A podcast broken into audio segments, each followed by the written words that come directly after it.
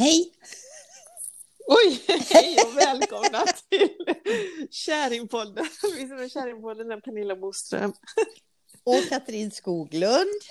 Och så väntar vi på Lottie ska komma in i samtalet här för vi ringer ju in nu till podden här. Ja, Ja, vi och har- jag var hämtade en banan så jag Ja. såg inte att du ringde in Katrin. Jag bara hej! och jag, eh, eh, vad skulle jag säga? Nej, jag kommer inte ihåg vad jag skulle säga nu. Ja.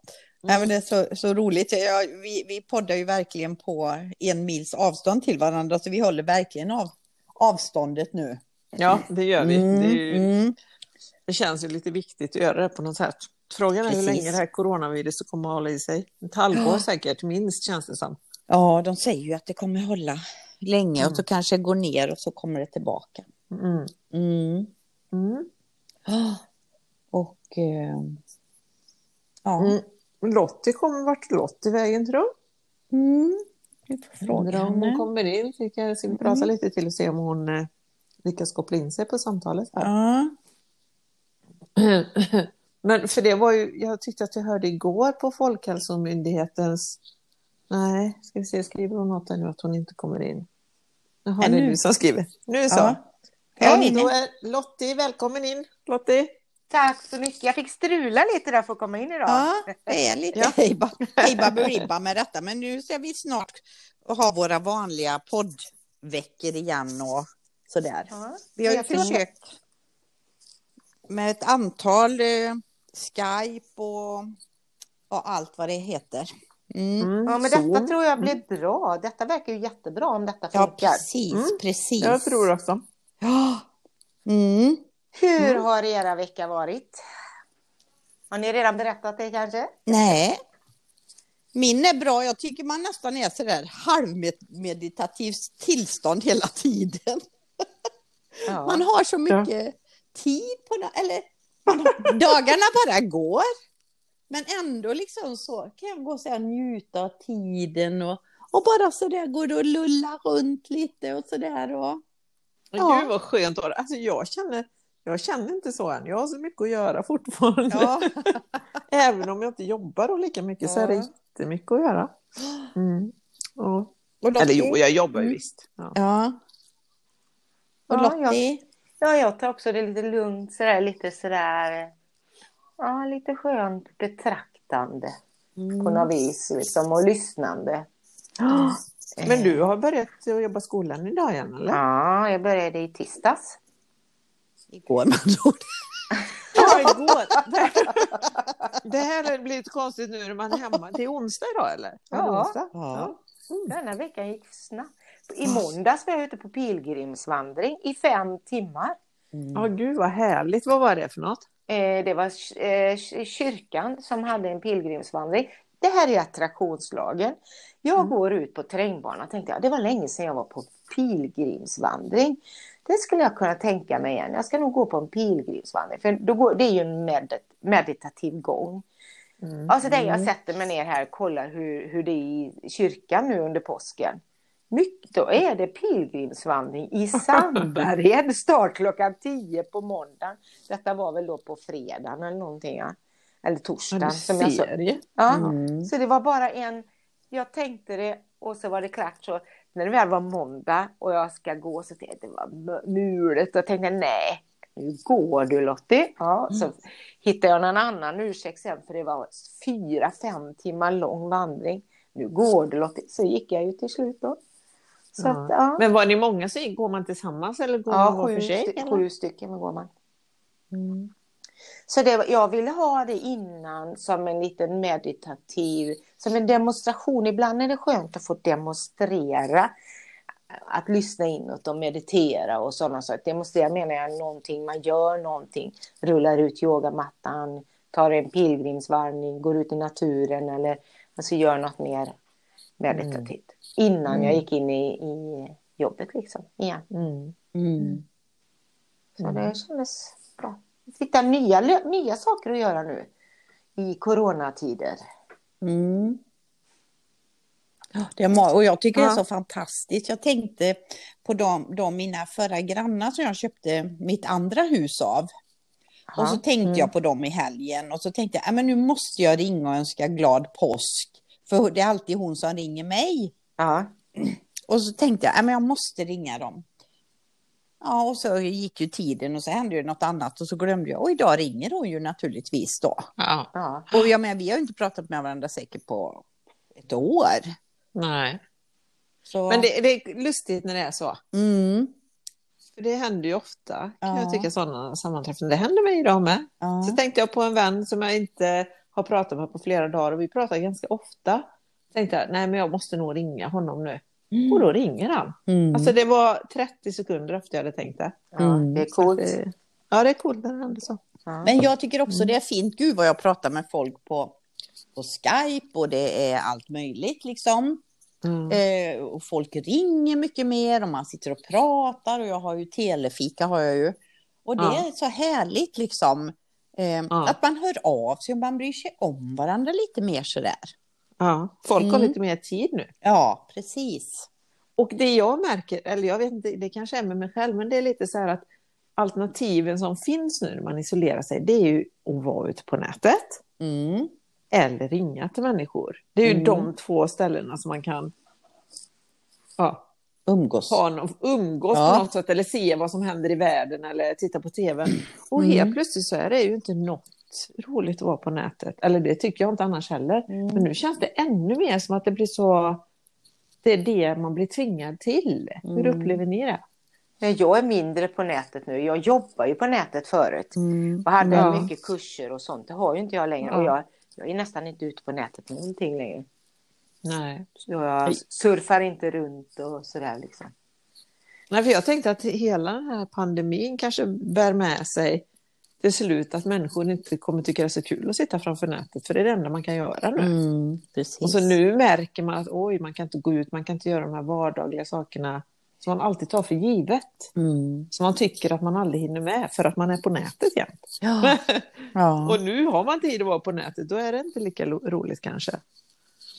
Jag vet inte, det var bara en liten teori. Nej, men jag följer ju en del, jag lyssnar ju på en del eh, eh, människor, vad de säger och om det här med pandemin och en del tror på det och en del tror bara att allt är fejk och ja, så jag tycker det är rätt intressant att lyssna. Men sen kan jag också liksom varje eftermiddag gå och lägger mig vid fyra, fem, så jag bara en timma bara så jag njuter i soffan lite och Ja. ja, jag ska bara hitta några bra böcker också nu och, och sätta Ja. mig och läsa igenom och, och njuta. Jag Ja. tog hem Mm. en från skolan idag och det är Hilma och Klint. Hilma, Ja, en ja. roman och, eh, om sex, eh, om gåtan Hilma och Klint. Och så Ja. såg jag att den gick på tvn också. Den ska jag kolla faktiskt. Ja. Jag hade Vad- en vem är det? sett. Det är en, En konstnär som målade, jag vet inte när det var, men hon målade alltså eh, sekel, sekelskiftet på 1900-talet. Mm. Så målar hon massa tavlor, ska man säga andliga, Katrin, vad ska man säga? Ja, och väldigt moderna samtidigt i den. Moderna men Ja. ändå med ett väldigt djup i dem. Och inget, de skulle inte ställas ut. Hon satte alla i, låste in alla bilder, lämnade i testamentet att ingen fick öppna hennes valv då eller efter 20 år. Och Mm. nu då är de ju hennes fantastiska tavlor på museum runt om i världen. Mm. Så det är en spännande konstnär, verkligen konstnärinna. Ja. Mm. Nu kollar jag lite på Wikipedia för att titta på hennes Mm. alster. För när du ser av Klint så tänker man ju, eller Klint, men det är ju inte samma sak. Nej, Mm, Gustav, ja, vad heter han? L- Le Klint, eller? Nej? Nej, jag kommer inte ihåg. Hans tavlor älskar jag i alla fall. Ja. ja jag vet vem du menar ja. Mm. Men jag var i Borås, till och med Borås konstmuseum har haft hennes tavlor här ihop med en fotograf. Nu kommer jag inte ihåg vad fotografen heter. Men det var en fantastisk utställning och jag skulle vilja se alla hennes verk. Och nu kan vi rekommendera våra lyssnare faktiskt. Och jag tror den är på SVT, va? Ja, Play. SVT Play ja. Hil- Hilma av Klint. Jag har Att man inte kan sett titta den. på den. Har du Nej. sett den Katrin? Nej, jag ska titta på den också för jag blev rekommenderad den igår faktiskt. Ja. Och den ligger Marina. under dokumentärer, eller? Nej, Jag vet vet inte. Men det är Man bara... kan nog söka den. Man Ja. kan nog söka den. Ja. Ja. Det är många Ja. som tittar på den och tycker att den är bra. Det är lite spännande. Ja. Eh, eh, väldigt mycket symbolmåleri och med djupa tankar runt. Så att, eh, mm, spännande. Ja. Mm. Ja, eh, vi gjorde ju ett försök att göra en podd innan där vi pratade om... Eh, Narcissister. ja, ska vi ta det eller ska vi bara känna att vi flyter eller vad, vill, vad vill vi prata om idag? Nej, men ni var, ni var ju lite inne på, eller du ville ju Lottie, har ju velat att prata om narcissister med tanke på allt det som händer nu och alla konspirationsteorier och människor höjer sig lite till skyarna själva och sätter sig på piedestal och inte kanske känner in omgivningen och sådär. Så att, eh, Och det är jätteintressant för det finns så ja, mycket det är olika... intressant. Mm. Och det florerar ju på Facebook en hel del. Det är någon man, jag vet inte nu, jag letar efter honom på Facebook innan jag ehm, vi satte igång här och han, han kallar, det finns ju de som kallas spirituella narcissister. Eh, det här, det är väldigt intressant. Och, så det, det, det florerar, florerar på Facebook en del om just narcissism.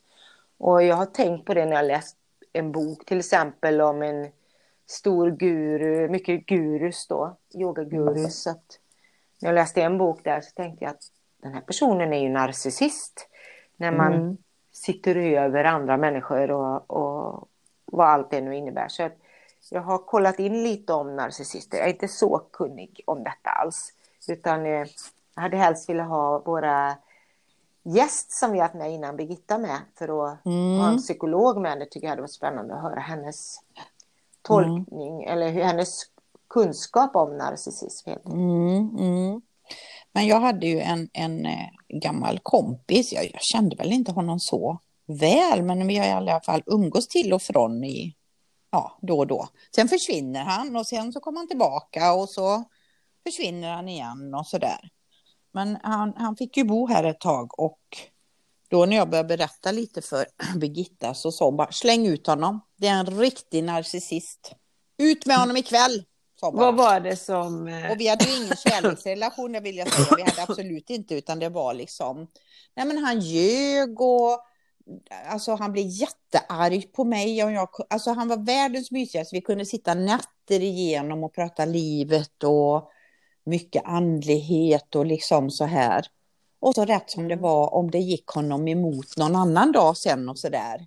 Då kunde han bli vansinnig liksom Mm. här hemma i mitt hem. Och du vet nästan slängde saker i golvet och bara ropa och, och att folk ljög och att de liksom, det var inte sanning och ja, massa, massa och väldigt så, han kom på så nya historier och jag, jag tänkte fan, det känns ju som han är 250 år gammal liksom Mm. förhållande och han berättade hur han hade dansat med någon och det var precis som det var i Dirty Dancing, du vet.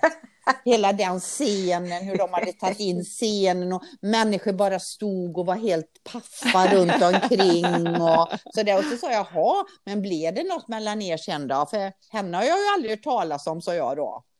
Mm. Ja, vi var ihop i sex år. Tänkte jag, hur i helvete har han fått ihop livet? Hur? Och han hade kört, eh, varit, varit på stora båtar i Las Palmas och jobbat. Alltså du vet, och han hade varit i England. Men och det gått- låter ju som en mytoman nästan. Ja, ja, fast det, ja, och det är det som, det är ju så nära känns det som. Mm. Men du läste, Eh, du sa ja. någonting bra om narcissisterna som stod på Wiki, Ja, det Wiki, står så här. Ja, läste, jag kan inte ens säga Mm. ordet. Narcissism är en personlighetstyp som anses bero på narcissistisk personlighetsstörning som präglas av självupptagenhet, självförhärligande och, e- och överdriven tro på den egna förmågan. Ja. Och sen står det, en person som lider av narcissism är ofta charmant och vältaglig, vilket kan möjliggöra för denna att dupera och manipulera andra människor. Narcissisten gör ofta ett starkt första intryck och har lätt att skapa ytliga kontakter, men har inte sällan svårt att behålla dem. Eftersom personen ofta har ett stort behov av att förhärliga sig själv och framförhålla sin egen förträfflighet kan det vara en energikrävande för andra människor att vistas runt om en längre stund. Vilket kan vara en delförklaring till svårigheterna för narcissisten att skapa djupare mänskliga relationer. Det är dock mm. viktigt, som med alla typer av psyki psykiatriska diagnoser, att vara försiktig vid, vid diagnostiseringen av personlighetsstörningar. Det har på mm. senare tid blivit vanligt med böcker och artiklar som slentrianmässigt diagnostiserar chefer och medarbetare med diverse diagnoser. Att en person är elak eller manipulativ är inte en garant, garant för att denne lider av en personlighetsstörning. Ja, så står det lite så. Mm. Mm. För, det, eh, för det är ju också när man läser om eh, mytomani då, när du pratar om han som bodde hos dig. Mm. Då, då, står det så om mytomani att det innebär att en person ljuger mer eller mindre tvångsmässigt. Det vill säga utan att det finns någon tydlig eller omedelbar orsak till mm. lögnerna. Mm. Mytomani i sig själv är ingen psykiatrisk diagnos utan ett symptom. Och ibland mm. kan mytomanin härledas då till, narci till narcissism eller paranoia eller schizofreni. Mm. Eller ibland olika tvångssyndrom eller en psykopatisk personlighetsstörning. Mm. Så, alltså, så det är ju lite så här när man, när man pratar om olika personlighetstyper mm. och alltså, alla människor har man ju lite, lite, lite släng av allting, mer eller mindre. Ja, ja gud Tänker jag. Ja. Och sen finns det ju människor som verkligen har så här tydligt uttalat just de här dragen. Men mm. det ska ju ändå mycket till för att ställa en diagnos, Ja, det ska ju inte man själv göra. Men Nej. man kan ju tycka att, som vi sa innan, att Trump är en Narcissist, ja. ja. Där ja. skulle man väl gärna kunna sätta i mm. narcissistfacket. Mm. precis. Ja. Ja, verkligen självupptagen. Narcissist och, ja. och just... frågan är om inte man också lite narcissist, mytoman. Alltså hitta på lite konstiga saker och vrider ja. sin egen verklighet ja, på något Men sätt. det är alltid att rätta ja. till sin egna fördel. Ja, mm. men att man lever i sin egen verklighet. Ja. Inte har någon bra verklighetsuppfattning, eller? Ja, jag, jag, tycker det verkar så. Därför det hade ju varit fantastiskt med Brita. Men nu har vi henne inte här. Så att, eh, Nej. Nej. Men det var ju hon som, hon, var, var hon som sa det med här killen i alla fall, släng ut honom. Det är en riktig narcissist du har att göra med. Ja. Så det, vi, vi kanske ska hämta lite mer fakta. Så när vi har möjlighet så tar mm. vi Birgitta på detta. Mm. Ja. Ja, hon kan säkert vara med, men vi kan ju, vi kan ju leka våra egna psykologer idag. Lite. ja, men vi kan ändå prata, för du har ju pratat en hel del om den sista tiden, Lottie, om eh, mm. eh, narcissism, att du ville att vi skulle prata om det i podden. Mm. För, ja, för jag... att det har florerat så mycket saker i sociala medier och eh, ja. ja. Och det kan du gärna. Mm. Nej, men, alltså, ja, jag, jag, ska inte nämna några. Vi har ju redan satt, mm. eh, sagt eh, Trump då, för han är ju så tydlig oh. tycker jag i min mm. amatörtolkning att han är en narcissist på grund av att han vänder och han, jag tycker att han har det där typiska draget som jag har fått för mig att narcissister har. Att man vet inte, alltså han kan rakt av vända, alltså kan bli mm. farlig alltså. Det finns en farlighet hos narcissisten där den helt plötsligt kan vända, ta bort en människa, eh, alltså blockera en människa eller du vet, eh, ja nu får de sparken för att det passar inte den personen, mm. som passar inte Trump så tar han bara bort och så tar han in nya. Så han alltid har folk som liksom stöttar honom mm. och inte det hela som jag ser det. det det är min bild av en narcissist. Att eh, man, man ser ju att det florerar på Facebook där man utger sig för att veta vad, man, vad som är och det och säger någon, och, någon något och frågasätter så slås det undan direkt och vänds då till något fördelaktigt eller helt enkelt plockas bort. Så det bara mm. finns positiva uttalanden till exempel som man kan mm. se. Mm. Men en sån chef hade jag ju på ett av företagen jag var. Ja. Och eh, vi, alltså det var ju många av oss som inte hängde med i att bara tycka att den här människan var så jävla fantastisk. Och vi blev ju verkligen bortplockade. Och, och, alltså det är ju hur många som helst som slutade tack vare detta. Ja. Och så var han då jätte upp mot chefer liksom, alltså så charmerande och hade talets gåva och fick med sig så de trodde ju liksom mm. på, men de som inte liksom följde hen då, det gick liksom inte, det var ingen poppis. Nej. Och det var ju st ofta starka människor som inte höll med och våga ifrågasätta och våga säga att jag kan inte hålla med eller jag tycker inte det var bra eller så. Mm. Och då, då fick hon ju många att gå. Mm. På det sättet. Ja, det är det som, jag, alltså det, det finns något lite sådär, eh, jag vet vi, har, vi hade ju en person som hjälpte min son som Mm. jag tycker jättemycket om och min son tycker jättemycket om, men jag fick sådana här, du vet, när jag började med oj då, oj då, du vet när man ser att ja, men nu tappar den här personen intresset att man till och med hjälper en annan människa för eget intresse och sen tröttnar och vänder och håller på och vrider och man ser hur den här människan trixar och har det och säger och man hör och ser hur den här personen agerar ut mot andra att det stämmer inte riktigt, det blir rena lögner till och med va. Mm. Men den här personen som gjorde så här var ju inte uppmärksamma på det. Det var ju helt rätt. Ja. Det var ju emot eh, den här personen. Mm. Och det, det, kan, alltså, det, det blev en lite sorg hos mig att se det. Att, att när man är Mm. inte bara där för att hjälpa, man säger stora ord. Men det finns en annan agenda bakom. Som ibland inte personen kanske är medveten om själv. Mm. Och så är det säkert. Mm. Alla lever ju liksom i sin sanning. Och nu när jag följer på, på Facebook till exempel och Instagram och det, sociala medier så blir jag mest fundersam. Men ser människor inte igenom detta? Det finns så mycket halleluja moment runt sådana här personer. Och det var det ju runt Trump också. Jag var i USA när han skulle väljas. Så jag tänkte att ser folk inte igenom detta? Folk älskar ju Trump liksom. Ja. Det spelar ju ingen roll vad han gör för korkat sak. Det hjälper inte, folk älskar han ändå. Liksom. De ser inte igenom. Mm. Så där är ju rätt intressant av, av, av, när man väljer en sån person också, att följa en sån person. Eller vara hänga med en sån person. Mm. Kan tänka mig, tänk i relationer. När man, om man blir, har en relation, en förälder, alltså får barn med en sån person eller någonting. Uh. Mm. Men för det, ja, jag smsar lite samtidigt här nu när jag pratar, Ja. när ni pratar. Så, men jag lyssnar ju ändå vad ni säger. Ja. Jag har städat i flera timmar så jag är lite trött så jag bara låter ni prata. Eh, men vad, jag, och jag var tvungen att svara på det här smset så jag ber om Mm. ursäkt för det.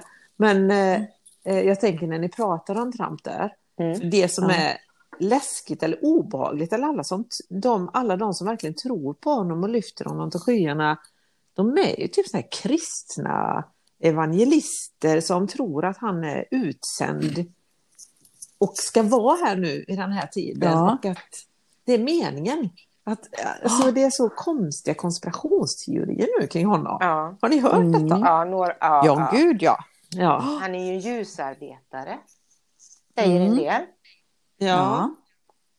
Jag vet, inte, jag vet inte om ni såg i veckan, så hade han då liksom, detta är också tycker jag då hade han klippt och klistrat hans medhjälpare naturligtvis, för han kan säkert inte klippa och Mm. klistra på det viset.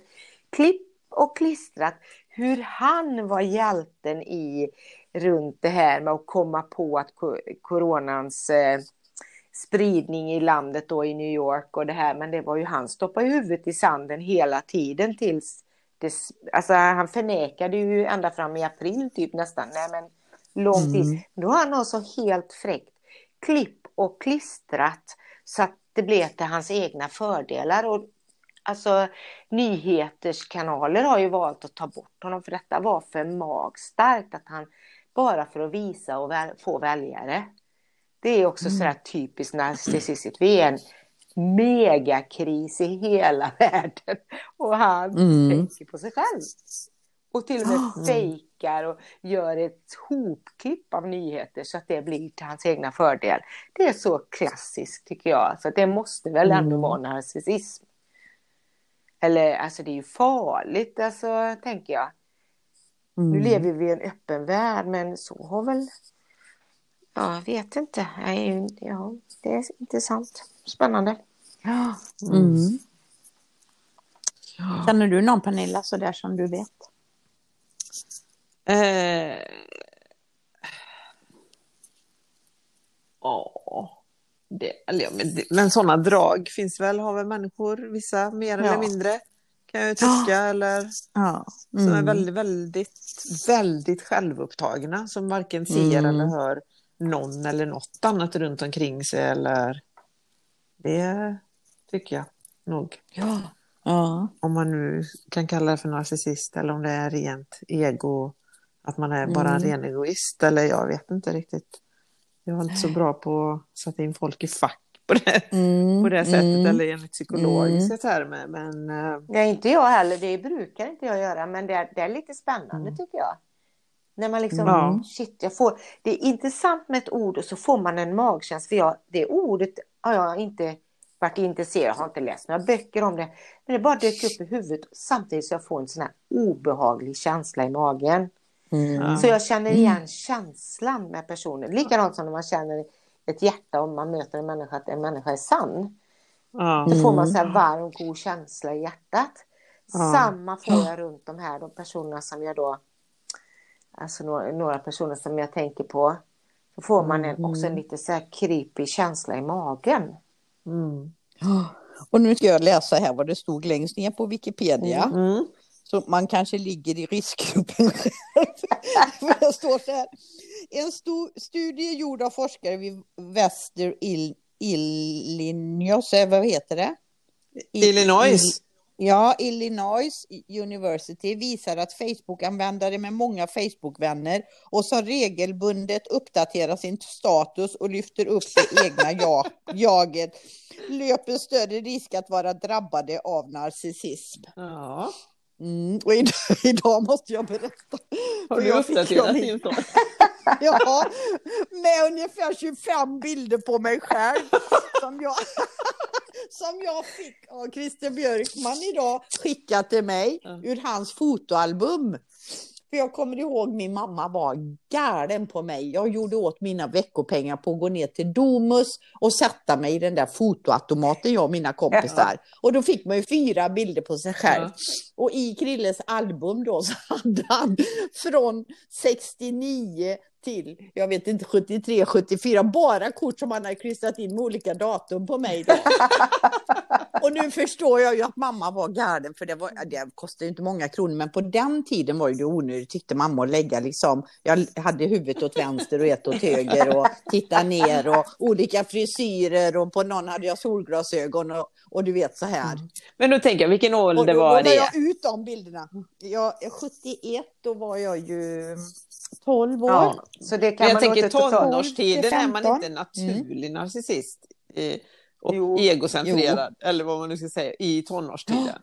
Ja, Alltså det, ja. det är väl inga, är det någon i den åldern som är väldigt, väldigt bryr sig om andra så mycket egentligen. Mm. Det kretsar ju väldigt mycket kring en Mm. själv. Mellan, Vad är det Mm. mellan man är, vad kan det vara, 12 till 20 års åldern Mm. eller något? Eller, ja, ja. det är klart. Men jag tyckte det var så roligt att jag ligger i riskgruppen nu när jag la ut alla de jädra bilderna på mig själv. Ja. Men det är ju också så här, för det, det är intressant hur du säger ändå, och att det står att det kan vara lite narcissistiska drag. För det är ju Mm. verkligen så i, mer, i sociala medier att det är väldigt mycket självbekräftelse. I, i, oftast i saker som man lägger ut. Så man kan ju Mm. fundera på vad är syftet och varför lägger man ut det? Liksom, är det för att Ja. man själv ska få bekräftelse eller är det för att det faktiskt ger någonting till någon annan människa? Den frågan är Ja. ganska intressant att ställa. För jag tänker, Ja. jag har pratat i telefon med en idag där vi diskuterar just så här för att nu är ju folk hemma och isolerar sig och man Mm. håller väl lite i sina pengar för man vet ju inte vart det här tar vägen. Men man kommer förmodligen också lära sig mycket bra saker av det här för framtiden och att vi måste börja leva mycket i ett helt annat typ av hållbart samhälle ju, för Mm. framtiden. Och eh, då tyckte han som jag pratade om att ja, men, eh, ett alternativ kanske ska vara i framtiden att man ska få typ poäng. Man måste samla ihop poäng för att kunna resa. Man kanske bara ska göra en utlandsresa en gång vartannat år. Eller... Och skulle man behöva göra resor oftare så ska det kosta fruktansvärt mycket pengar och ska man skatta mycket. Och du vet att det skulle Mm. gynna tillbaka och så vidare. Och, och så när man diskuterar så, så tänker jag så här, ja men då är det ju igen det att man hamnar i ett samhälle där det är de rika som kan göra saker. Och Mm. inte de som har, har, inte har råd om det nu skulle bli oerhört dyrt att flyga exempelvis. Eller så. Mm. Men det var väldigt intressant artikel i DI idag, Mm. Dagens Industri, Mm, om höga chefer. Det var vdn på H&M, mm, det var en vd för något stort sminkföretag mm, och att de får göra om, nu kan jag inte, jag kan inte återberätta saker så bra, Men att de måste tänka på en ny hållbar framtid Mm. och lägga upp nya strategier Mm. för att liksom göra hållbara företag. Mm. Och, och liksom, det tycker jag kändes så himla fint och det var många höga hästar som Mm. hade liksom pratat om detta. Att, ja, Mm. det, det kommer bli helt nya saker. Och sen hörde jag med en kompis liksom, som har rest hur mycket som helst och nu har de bara sådana här möten över Skype Ja. och allt vad det heter. Och du vet att det går hur bra som helst. Ja. Och då har man rest liksom eh, hur många som helst till ett land för att sitta i ett litet möte några timmar Ja. istället. Så jag tror att många företag kan också spara in på mycket och, och lägga pengarna på andra saker Ja. än att bara flyga och ha möten, utan det går precis lika bra att ha över, Ja. över, över nätet och så kan man ju resa andra resor man behöver och utveckla företaget på ett annat sätt. Ja. Ja, ja, precis. Så det är Mm. jättebra. Det med. Men det, det, det Ja. jag ville komma med det hela, det är ju det här, eller Mm. just det här, när man ska, eh, nu, om vi pratar om narcissister då, eller eh, att man ska Mm. uppfylla sitt eget ego på något sätt. Och det är ju också det här med, med pengar, att man kan resa jättemycket och man kan köpa flådiga saker. Och att det är en slags show-off som man håller på med när man har Mm. mycket pengar. Mm. Och eh, det, det är ju verkligen ett narcissistiskt drag och det kommer man ju inte kunna hålla på med i framtiden om man ska bygga ett Nej. hållbart samhälle. Och vem är det som är Nej. intresserad av att titta på någon annan som är isolerad hemma i sitt hus nu? Vad den personen har för märkeskläder på sig eller vad den personen kör för bil. Eller, för man kommer inte... Mm. Det måste bli problem för narcissister tänker jag och sådana egocentrerade människor som har behovet av att visa upp sig Mm. eller vad man ska säga. Förstår ni vad jag menar? Ja, lite. Lotte, var är Lottie? Hallå? Ja, hallå, jag lyssnar. Ja, jag tänkte, Ja, är du ja. kvar? Hon kanske också sitter, hon kanske också sitter och svarar på... Nej, det är- Nej, jag tänkte jag glömde kolla för du kanske har åkt ut ur samtalet. Jag tyckte det var så himla tyst. Så jag bara, hallå? Men narcissisterna tycker jag att det finns, alltså, nu tänker jag nämna en, en eh, jag läste en bok om en känd yogi, alltså, där, Ja, det får ju du gärna för han säga. är ju, och det är ju Mm. en bok som, och det, Mm. det kan man ju Ja. tycka vad man vill, och det är ju Yogi Bhajan. Och när jag Mm. läser den boken så tänker jag bara, men han är ju narcissist. Och många Mm. gånger finns det en väldigt obehaglig mörk sida bakom. Ett beteende som har där man styr relationer och, och kanske inte kan ha relationer för att den där mörka sidan, mörk är väl, jag menar inte mörk, men den här mindre trevliga sidan då, eh, Mm. visar sig alltid förr eller senare. Men då, då är det sån makt, alltså det är ju härskartekniker Ja. och sådana Mm. saker som eh, är obehagligare. Alltså att du lägger ut bilder på dig själv, eh, massa bilder, det är ju inte, skadar ju ingen annan människa. Men det finns en otrevlig sida bakom det hela som kan göra människor illa. Mm. Och kan, man tänker den här mannen då som skapar och fick massor med följare. Och då i den här berättelsen en kvinna som, och flera andra då som har varit med och fått se den då mindre bra sidan. Och det är ju det med narcissisten också, är ju fantastiskt. Den har ju mycket att ge. Så det, men just den där, mör, inte mörka sidan, men den här otrevliga sidan. Där Mm. man härs, använder härskartekniken som är lite, eller väldigt obehaglig om man kan säga det. Men allt är obehagligt där det finns folk som man börjar följa för mycket och att alla, ingen ifrågasätter utan man bara älskar den här personen och det är fantastiskt och liksom eh, det har jag alltid varit rädd för. Så börjar Hitler också liksom. Ja, men det var det jag tänkte. Han Mm. måste ju också varit Ja, en narcissist, narcissist Mm. förmodligen. Mm. Eh, så därför hade det varit intressant att se de här, eh, den här sjukliga, eller inte vad ska, vad ska man säga, eh, otrevliga sidan. Eh, Mm. Mm. eh, som jag, det var en, en som jag, om jag pratade om som var runt min son då. Eh, Alltså det blev ju otrevligt för vissa människor runt honom. Vi blev inte det för alltså vi var hans trygghet. Eh, Mm. men det blev ju otrevligt runt andra människor. Eh, som, eh, Ja, det är intressant. Att relationer inte håller Men- alltid. Liksom. Mm. Men har ni sett den här filmen som finns på Netflix som heter Dirty John? Ja, ja, ja. Mm. Den tittade jag upp för att du rekommenderade den. Var det en Ja, spansk, visst var var det en bra? spansk film? Nej, nej, en amerikansk. Och det är en sann historia. Det finns också en, en film om den riktiga, hon som har råkat ut för allt detta. Då. Ja, den tittade jag på samtidigt, för den ligger väl också med där, den dokumentären. Ja, precis, den kommer ju upp. Ja. Något så fruktansvärt, då snackar vi en riktig narcissist. Mm, och det undrar jag om det finns termer Ja. på det. Liksom, hur, eh, för, för de här som skapar de här följarna, de här ja-sägarna som inte vågar annat, som är rädd, alltså det skapar en viss rädsla. Och det kan jag se på man, man, man skapar mycket ja-sägande runt sig. Och tar bort det helt enkelt som inte passar.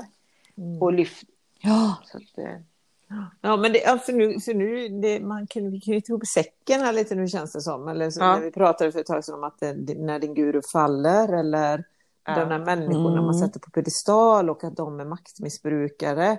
Och att maktmissbrukare Ja. kanske också ofta är ganska självupptagna egoister och har lite narcissistiska drag eller sådär. Så att eh, det går väl lite hand i hand tänker jag ja det är nog. Mm. alla de här sakerna. Och då är det, vad är, vad är det som gör, vad är det som gör då att vissa följer då det här och vissa inte? Och då Mm. pratade vi väl redan då, tror jag, när vi pratade om den här i det avsnittet, att man verkligen ska ifrågasätta när någon säger saker och inte bara tro saker blint. Ja, precis. Källkritik och åter källkritik. ja. Men det, och inte komma med någon gammal tant för att någon sitter i en hemmasnickrad studie hemma och säger något eller klistrar ihop vad som helst. Det får ju Nej. till och med barn lära sig i skolan. Barn måste ju veta detta i skolan. Ja. Man kan Mm. inte tro på vad folk säger eh, utan man måste verkligen ha källkritik. Ja. Men det, Mm. nu har ju ändå Facebook börjat med att om man lägger ut saker, om man länkar till saker som Ja. inte kommer Mm. från betrodda källor eller så, där man faktiskt inte har den här källkritiken runt det man lägger ut, då blir det ju blockerat. Ja. Ja, Jag vet inte om ni har sett det, men då kan man ju se om man försöker klicka på det. Om en person lägger ut någonting som inte är trovärdigt kanske, eller någonting, eller som saknar Mm. belägg, eller som kan vara någon fara eller sådär. Ja. Då kommer det upp någon varning, då kan man ju inte se det inlägget först, utan då varnar ju Facebook innan man klickar på den och Mm. kommer vidare att eh, Mm. man verkligen ska ifrågasätta innehållet här. Har Ja. ni sett det? Har ni varit med om det? Mm. Nej. Mm. Nej, jag visste inte, det var några Nej. som berättade häromdagen Mm. att det är så, jag visste inte det. Men, Nej, eh, men man ser ju att en del inlägg är borta. Eh, Ja, men de är inte borta. Mm. Inläggen är inte borta, utan det är Facebook tar bort dem som en, som ett första lager. Men sen när man klickar till på den så måste man läsa Facebooks text först och sen kommer man åt länken till den då. Okej, Så det är. Facebook som, som lägger in den spärren eller varningen som ett filter. Mm. Ja, ja, ja. Så de tar inte bort Mm. det tror jag, men de filtrerar, gör en första filtrering så att man själv då som besökare på Får en- någon sida eller får länkar att man själv kan, hallå, aha, jag kanske inte ska tro Mm. på det här helt blint. Eller Mm. så att man får en Mm. liten varning på det sättet. Men där är ju jätteintressant för eh, om det nu hänger ihop med narcissister men, men just det här eh, konspirationsteorin som vi pratade om förra gången. Alltså det är ju, Ja. Jag blir chockad när jag Mm. ser vad folk Mm. påstår. Liksom. Jag tänker, Mm. ingen kan väl tro på detta? Men Nej. det gör ju Mm. folk liksom och sprider Mm. vidare Mm. det och Mm. ja. Jo, och Och sen kan det vara någon grej mitt i allt. Jaha, så men gud, tänk om det är så kan man ju bli Jo men också. det kan man ju bli. Men kan detta vara så Och här? det kan ja. man ju bli nyfiken på och titta men där är ju Mm. viktigt att man då hittar. Jag vet att när vi hade haft eh, ett retreat så var det någon som la ut någonting om, jag kommer inte ihåg, det var också någon sån här konspiration. Det var någon som satt och pratade på ett skitdåligt Youtube-klipp Ja, men, och så hänvisar de det till källkritik. Jag menar, Det är ju som om jag gick ner i källaren och satte mig och läste in och Mm. så skulle man säga att det var sant, att det var källkritiken sen. Mm. Mm. Och det är ju Ja. käll... Bara för att Nej. jag säger det så är det inte sant. Utan man Nej, får ju... men sen, Mm. ja, nej, Mm. precis. Nej, men sen är det ju också så att Mm. det är inte bara det här bara för att du säger det. Det kan ju också vara så att om du säger någonting och sen så refererar du till något annat Ja. när du säger det. Jag refererar Mm. till det här. Men då, det är ju den källan man ska kritisera. Ja, Vad är det man refererar till? ja, Och, det är, Mm. och det är ju de källorna som ofta blir refererade till som inte innehåller någon källkritik, alltså där man själv inte faktiskt har kollat upp den här källan och om det här verkligen kan vara sant. Utan man själv tror på någonting blint och så delar man bara det utan att själv ifrågasätta det. ja. Mm. Så att, eh, ja. Så tro, om, man, om, man, om man får massa länkar skickade till sig med grejer, jag är också en sån som skickar grejer som jag tror på till någon annan, så att ja, men det här är intressant, eller lyssna på den Ja, här precis. podcasten, eller sådär. Men man ska ju ändå när man får sånt reflektera över vart, vad det är för källa. Var kommer det ifrån? Ja. Var kommer den informationen ifrån? Och vem, vem är det som säger det här då? Mm. Det var jättelätt att säga. Jag läste något på Svabb-TV hette det nog. Mm. Och då var ju det också jättehögerextremistiskt och sådär som, som eh, vissa bitar. I början lät det jättebra och sen kom det ju då med andra saker i slutet. Men det är så jävla lätt att bara dela något när man lyssnar en liten stund och så visste man inte vad det var. Men nu har jag lärt mig det. Ja. Och tit- titta, vad fan är Svabb-TV eller vad det Ja. heter? Vi lär oss. Ja. för då var något blå, blågult liksom logga och tänkte jag det är nog bäst att titta när det är så väldigt blågult. Ja. Och då visade det sig att det var rätt så högerextremistiskt från början då. Ja, men jag tror många Ja. kanske, alltså man, man tycker det låter kärleksfullt. Jag, jag, jag Mm. tänker på några inlägg som jag sett, åh ja, så fantastiskt, åh vad bra liksom. Så har man fått se lite baksida av det hela. Mm. Tänker jag, Mm. ja, men man, ja, jag vet inte. Det är inte Nej, men det, och sen tänker jag också så här, för att i våran ålder, eller, eller när man är eh, 40-talist, 50-talist, 60-talist, 70-talist till och med. Eh, 80-talet. det- Ja. ja, kanske till och med 80-talister. Alltså, vi ja, eh, fick ju inte den undervisningen i skolan och uppväxta med att när man är ute på nätet så ska man ifrågasätta källorna och man ska gräva och man ska leta upp hit och dit.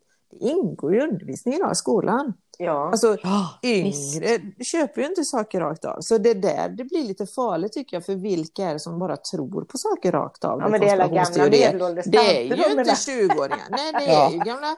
Det är ju Ja, de här ja. som inte har lärt sig eller förstår att man måste granska källorna liksom. Mm. Och att man inte bara kan tro på allting. Bara för att det, det är någon som lägger ut det så är ju inte det sanningen. Nej. Men Ja. tillbaka till narcissisten då. Är det Ja, samma med ja. narcissism? Alltså att man ska inte tro, att man ska lita på magkänslan. Och jag såg det var återigen någon på Facebook. Någon som jobbar Mm. just med narciss narcissism och eh, hur, man, hur det är att ha barn, hur man ska göra med barn. Och han, han har nog lite kurser så jag vet inte så han ska inte nämna om jag, om jag hittar länken till Nej. honom och jag tycker att det är och jag har kollat källkritiken där så ska jag dela den Mm. på. Men där är ju lite intressant för hur man, hur man klarar sig med en sån här person. Och vad är det då om en sån här fantastisk människa som det står då i det här, det finns ju mycket, man kan ju bara söka på ordet narcissist och se. Mm. Men det finns ju då hur man ska klara sig i en, om man lever ihop med en narcissist eller om man blir utsatt Mm. på arbetet av en narcissist, en narcissistisk chef och Mm. hur man ska kunna göra. För jag tror man måste vara lite stark för att kunna ta sig ur det här. Och det var ju precis det man Mm. läste om runt Yogi Bhajan, den här kvinnan. Nej, men hon ville inte, det var ju hennes familj. Alltså, det är så, hon kunde inte gå ifrån för hon ville inte lämna familjen och kanske var det hennes fel. Eh, och allt det här, Mm, att man, man blir mm. tvivlande på sig själv och sin egna förmåga. Mm. Då är det ju Mm. liksom, ja men du, du, du är mörk, du är i mörkret nu. Du vet, det är ju gammal teknik som kyrkan och, och Mm. använde till exempel förr. Och Mm. Mycket andliga människor använder sånt. Mm. Jo, alltså dels är det någon form av härskarteknik, men sen är det, sen är det också det, alltså det är väldigt, väldigt manipu- manipulativa människor som håller på med sånt här. Ja. Och de som går på den här Mm. manipulativa eller de här manipulativa människorna eller narcissister eller vad man nu ska kalla dem. Det är ju oftast människor som är svagare som kanske inte har den här styrkan och kraften i sig själva att våga stå upp i, i sin egen tro och vad man själv tror på, vad man själv tycker och, och stå stark i det. Mm. För det handlar ju, Mm. det handlar, och det handlar ju, om vi ska nu knyta tillbaka till ens egen självkärlek och empower yourself. Ja, man kan väl gå Mm. in till, det är lite om vi, vi nu nämner Yogi Bhajan så har han ju fantastisk Ja. yoga, fantastisk yoga, men han hade då en mindre trevlig sida om det nu stämmer då runt, runt det här. Mm. Så är det ju Mm. inte, man får ju ta russina då och så vara smart. Eh, Mm. men inte sälja sin själ och förlora sig själv runt en sån person. Precis. Men det jag, det, jag kan, jag kan tycka är lite så här, jag har ju fortfarande inte läst den här boken om Yogi Bhajan och det förstår jag. Jag kan verkligen förstå att hon har säkert blivit manipulerad och att hon kanske inte var tillräckligt stark att stå upp själv i vad hon ville och tyckte och sådär. Men, eh, men det, det jag tycker att man kan se igenom med det Yogi Bhajan höll på med ibland när man tittar på klasser och lektioner, för det finns väldigt mycket videoinspelningar som man har sett. Mm, Jag har ju väldigt sett Mm. honom live, men jag har ju sett väldigt mycket videos med honom. mm, Och jag har ju alltid tänkt om honom att han gör ju det här, alltså för han var ju ändå väldigt smart och väldigt klok och har sagt och gjort fantastiskt mycket bra saker som gör att man själv ska vakna till. Och ibland så tänker jag så här att han gjorde ju vissa saker för att se hur mycket man kan, hur långt kan man få människor att göra vissa saker innan de själva börjar ifrågasätta. Alltså att det var ett sätt att, men hallå, alltså hur kan ni sitta här och göra de här sakerna nu bara för att jag säger så? Att, du vet att, att det blir nästan som att man fördummar människor genom att man får dem att göra vad som helst. För människor tror blint. mm, Människor som trodde på den här påhittade gurun exempelvis. mm. Alltså Lurifax. att man bara tror, lurifax ja, Mm. att man bara tror på saker. Och jag tror någonstans att Yogi Bhajan var väldigt medveten om det och gjorde till och med det medvetet. ja, men han För att man själv skulle vakna till. Ja, men Lurifax var en Mm. annan. Alltså, han gjorde inga människor illa, det gjorde Yogi Bhajan. Mm. Eh, han gjorde, det var, ja, nu har du inte läst boken men det Nej, är jag har ju rätt inte det, ruggig historia. Alltså, Ja. Finns den, finns Nej. den på svenska? du, du kan få, få Nej. låna den av mig Pernilla om du skulle vilja läsa den. Ja, det, vi kan byta. Du kan få en Course in Miracles av mig. Jag kan ta en kurs i mig. Du har ju min. Du kanske vill ha tillbaka den? Ja. Jag har tänkt på den. dag. jag har din Pernilla. Ja, ja, ja. Jag har fullt med kurs i mig. Ja, men det tar jag gärna för det är min första den kurs i mig. Men Ja, du får precis. gärna läsa för den det, det hade varit intressant att höra din om du hade läst den. Mm. och se vad Mm. du tänker. För det var just det sättet att behandla dem bakom. Eh, Ja. eh, och använda dem och för att lyfta honom själv då. Eh, Ja. Och hans personliga grejer. Och, Ja. och också hans mission han hade för att ha här på jorden. Då, va? Och, Men tror ni inte att man börjar med en liksom fin tanke? Och sen blir det så många halleluja-människor runt sig. ja. Och så liksom lyfter man sig själv. Det kan nog vara jävligt lätt att trilla dit på liksom använda sin sin eh, makt på det här liksom. Ja, men jag tänker så här, för att alla människor vill ju ha någonting att tro på. Alla har ju Mm. sin tro. På vad, även om man eh, tror att det är, om man inte tror på någonting så är det ju en slags tro det med. Eh, precis. och man letar väl någonstans och söker ju hela tiden utanför sig själv att hitta någonting som man verkligen tror på som vibar med en själv, liksom, ens egna uppfattning om livet och andlighet Mm. och allting vad det är. Och sen så kanske man stöter på den människan då, eller den här gurun som man ser upp till och hela den här typen av koncept som den människan presenterar. Mm. Och så bara man köper det rakt av, för, för man, ja då hittar man lite hem i sig själv kanske för att det är det här jag tror på. Det, det här är min Mm. verklighetsbild. Och sen är plötsligt så tror man på allt som den personen säger utan att Mm. ifrågasätta överhuvudtaget. Så den personen hamnar verkligen i en maktposition till Mm. människor om de bara fortsätter att köpa grejer rakt av. Liksom. Mm. Men det är också den här härskartekniken. Jag var med om en sak. Jag vet inte, vi kanske ska ta om vi har varit med om just någon sån här, eh, om det var narcissistiskt eller inte, men det var i alla fall härskarteknik. Jag hade en bild som eh, ett företag, ett eh, känt företag använde. En av mina buddor och jag skriver till den där personen att eh, ni använder det här så skrev jag då, gick jag in i, i bildombudsmannens eh, eh, vägledning hur, vad, hur mycket det kostar om man använder det i tryck och sådana saker. Och den här eh, bi- personen då, alltså vände detta mot mig. Den här personen har ju helt klart gjort fel eh, genom att ta en bild av mig utan att och, och fått lov till... Ja, det var din bild. Ja, det får man Ja. inte göra för det är väl du som Ja, har jag, upphovsrätten jag äger ju copyrighten och, och, Ja, precis. och jag, jag Ja. hade en trevlig ton. Men den här personen då, en känd yogi, vänder i 780 och liksom hotar mig med att säga att du har varit inne, att jag hade kommit in hackat mig in i deras databank. och jag, att jag Mm. skulle Nej, verkligen kunna få böter för detta. Och jag, jag, jag tänkte, vad fan, jag som knappt kan sätta på starta datorn. Liksom. Hur ska jag kunna tacka mig in där? Jag, jag var ju Mm. med, var medlem på en sida och där la jag ut att jag heter Lotte Stjernqvist och jag har den och den yogan. Och så jag ber min yogakollega Carol att Carol, kan inte du titta på det här? Så skriver hon till mig. Då hade hennes arbetsplats då, en reklambyrå, sagt att eh, hennes vänner då sa att, det här är ren härskarteknik. Jag skickar ju då mejlet till dem.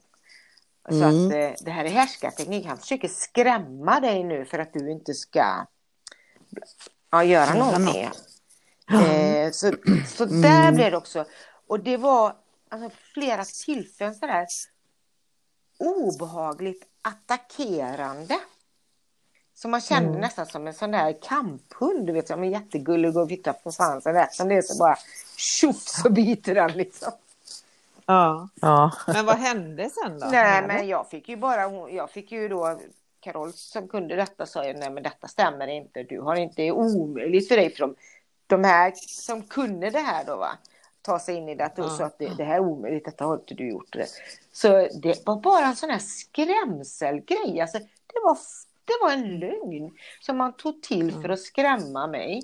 För att inte jag skulle fortsätta då ta det vidare och alltihopa det. Så jag gjorde ju någon deal då för jag kände att jag går inte in i den energin och håller på med sånt där. Nej. Eh, så jag fick ju betalt då det absolut minsta men jag bara kände att jag släpper det för jag vill inte vara i den energin. Mm. Och detta är två sådana grejer har jag varit med om när jag väljer att inte vara i den energin. För, det, det blir ju, o, det är det jag menar med den här obehagliga känslan istället för oj då ska vi försöka göra en kompromiss, ska vi göra någon deal eller du vet sådär på ett trevligt vanligt affärsmässigt sätt. Så kom en anklagelse och det sa Carol att det var härskarteknik. Det är första gången jag hört talas om härskarteknik. Just för att skrämma en. Eh, precis som kyrkan eller Livets Ord och allt säger du, det är synd, man har använt helvetet och man har använt olika saker för att skrämma folk. Liksom. Idag kanske man använder andra saker för att skrämma folk. Då, men det var inte så. Det är då jag varit med om Mm. eh, som jag undrar om det inte finns lite narcissist bakom där. Nej, jag ska inte säga. Men eh, när man råkar ut för den där baksidan som eh, man inte är beredd på hos människor. Visst, alla kan vara otrevliga och ha en dålig dag och inte vara nice, men att eh, fara med lögn och attackera och man känner den där orubbliga, du vet, eh, ja, det är svårt. Härskarteknik är ju väldigt intressant på det viset. Jag kan ingenting om det direkt så. Men, Jag kan läsa på Wikipedia. Mm. Härskarteknik syftar på olika sociala manipulationer varmed en grupp eller en person förstärker sin position i en hierarki genom att på olika sätt underminera andra grupper eller enskilda individer. Ja. Uttrycket härskarteknik myntades ursprungligen av den norske psykologen och filosofen Ingel Nissen Ja. 1945. Och det är ett verk, han har gjort ett verk då, där han lägger fram hypotesen att psykopati var orsaken till nazisternas maktövertagande i Tyskland. Så eh, Ingel Nissens ursprungliga nio härskartekniker populariserades och reducerades till fem av den norska socialpsykologen Berit Ås. Ja. Ja. Ska se vad står en funktion här. Ja, teknikerna är nära förknippade med social status inom gruppen. Ja. De går att använda från underläge men de infinner sig mer naturligt från en position ovanifrån. Alla typer av människor och grupper kan använda sig av liknande metoder. Men begreppet härskartekniker konstruerades för att visa hur män bibehåller sitt grepp om kvinnor och tillämpat på personnivå blir begreppet inte alltid relevant. Nej. En person i underläge kan mycket väl försöka sig på att förlöjliga en meningsmotståndare, men begreppet härskarteknik blir då irrelevant. Ja. Mm, intressant. Ja, Birgitta, Ja. Vi vill ha med dig om du lyssnar på detta. Ja, Det står faktiskt här också att begreppet härskarteknik används bland annat inom feminismen, där det räknas som en viktig faktor i upprätthållandet av könsmaktsordningen. Ja. Mm. Så härskarteknik har alltså inte med könet att göra utan det är den här tekniken då, som i feminismen som du säger. Mm. Eh, Jag är lite trött också i huvudet. ja, jag hörde det nu. Nej, men... Förlåt, jag kanske var korkad fråga. Jag, jag känner också att jag sitter och tittar ut här nu. Du sa tvärtom nu. Ja, jag sa kanske trött det blev fel. Ja. Galet. Ja, vi, har, vi, har, vi har poddat länge nu, Ja. men, och vi ska nog avsluta Mm. den här podden för idag. Ja, men- va? Men det är Mm. intressant och man kan prata vidare om detta ämnet. Absolut. Och- Men jag tänker, Mm. vi behöver ha lite Mm. glädje och upplysta. Vad är det vi behöver i den här tiden vi är nu? Då ska jag bara säga, det man behöver då i den här tiden då, till de här härskarteknikerna, guruserna som sätter sig på pedestal, eh, de manipulativa människor som manipulerar andra människor, eh, narcissisten och allt det här. Då finns det en grupp doktorander vid Stockholms universitet som har formulerat fem motstrategier till härskartekniker. Ja, bra. Och då är, Kör då. Ja, eh, nu är det fler än fem, så jag vet inte varför det står fem. Man ska ta plats, man ska ifrågasätta, Det- man ska se till så att korten läggs på bordet, bryta mönstret, intellektualisera. Det är jättebra. Och sen så har de formulerat fem bekräftartekniker. Så man måste bekräfta det man håller på med. Man ska synliggöra, man ska respektera, informera och dubbel belöning och bekräfta rimliga normer. Mm. Bra, ja. Ja, Bra. Det, var Det bra, kan du ja. nästan Så det- skriva upp. För den här personen då som attackerar eller körde härskarteknik med mig. Det var så bra Mm. att du läste upp det. Mm. För att samma nätverk som jag var inne så eh, hade vi då eh, man helt plötsligt så har man har, har en teknik till exempel och det har varit massor med eller några regler som det är det här det går ut på. Helt plötsligt så ändrar man den. Man bara, även om man då har betalat massa pengar för den här tekniken och alltihopa, så bara ändrar Ja. man reglerna. Att nu kan Kreti och Pleti komma in och göra den. Så skrev jag så här i, jag skrev bara de här orden.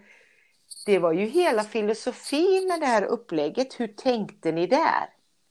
Ja, Då ifrågasatte Mm. jag ju då som det här gjorde. ja, ja. Jädrar alltså. Jag blev Mm. så fult attackerad. Personligt attackerad ut i Ja, gruppen. ja. Och så fult la ut ett e-mail om, en, om min Ja. kollega. Alltså, Jag blev alldeles chockad. Den enda Ja. frå- jag bara ifrågasatte hur tänkte Ja. det här?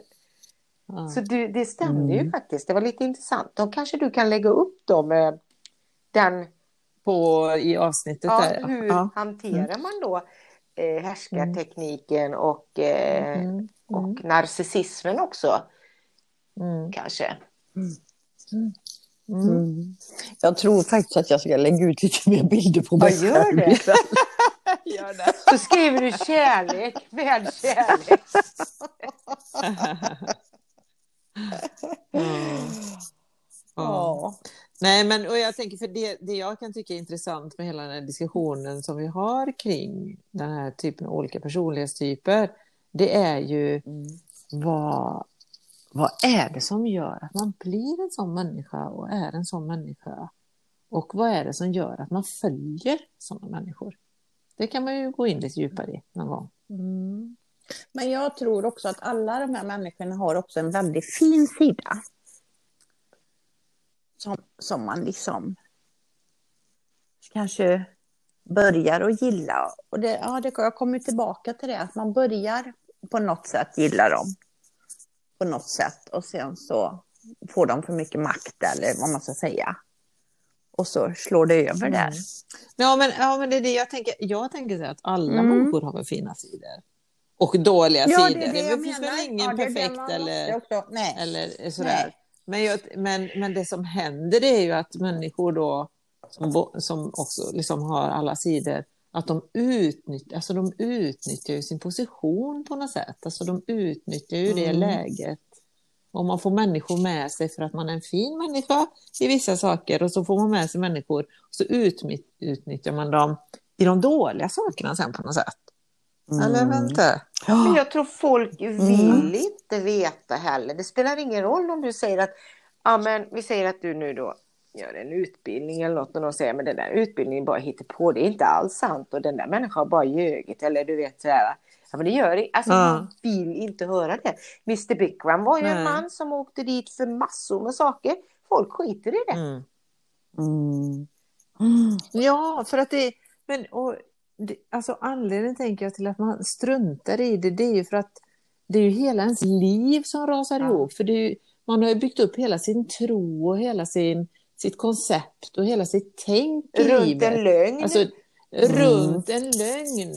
Och vad har man kvar då om inte man tror på det längre? Alltså det är ju, det är ju hårt att falla. Alltså Mm. att falla själv med, med den som man har trott Ja. på. Det är ju jättehårt för helt plötsligt så står man ju där utan någonting och så ska man hitta någon ny trygghetspunkt i livet. Men det var lite det, ska vi av...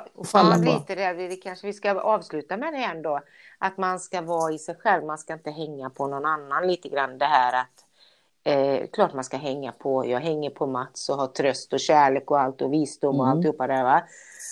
Och, Mm. men, men jag menar att, att man ska vara stå i sig själv. Att lita till sig Mm. själv Ja. alltså.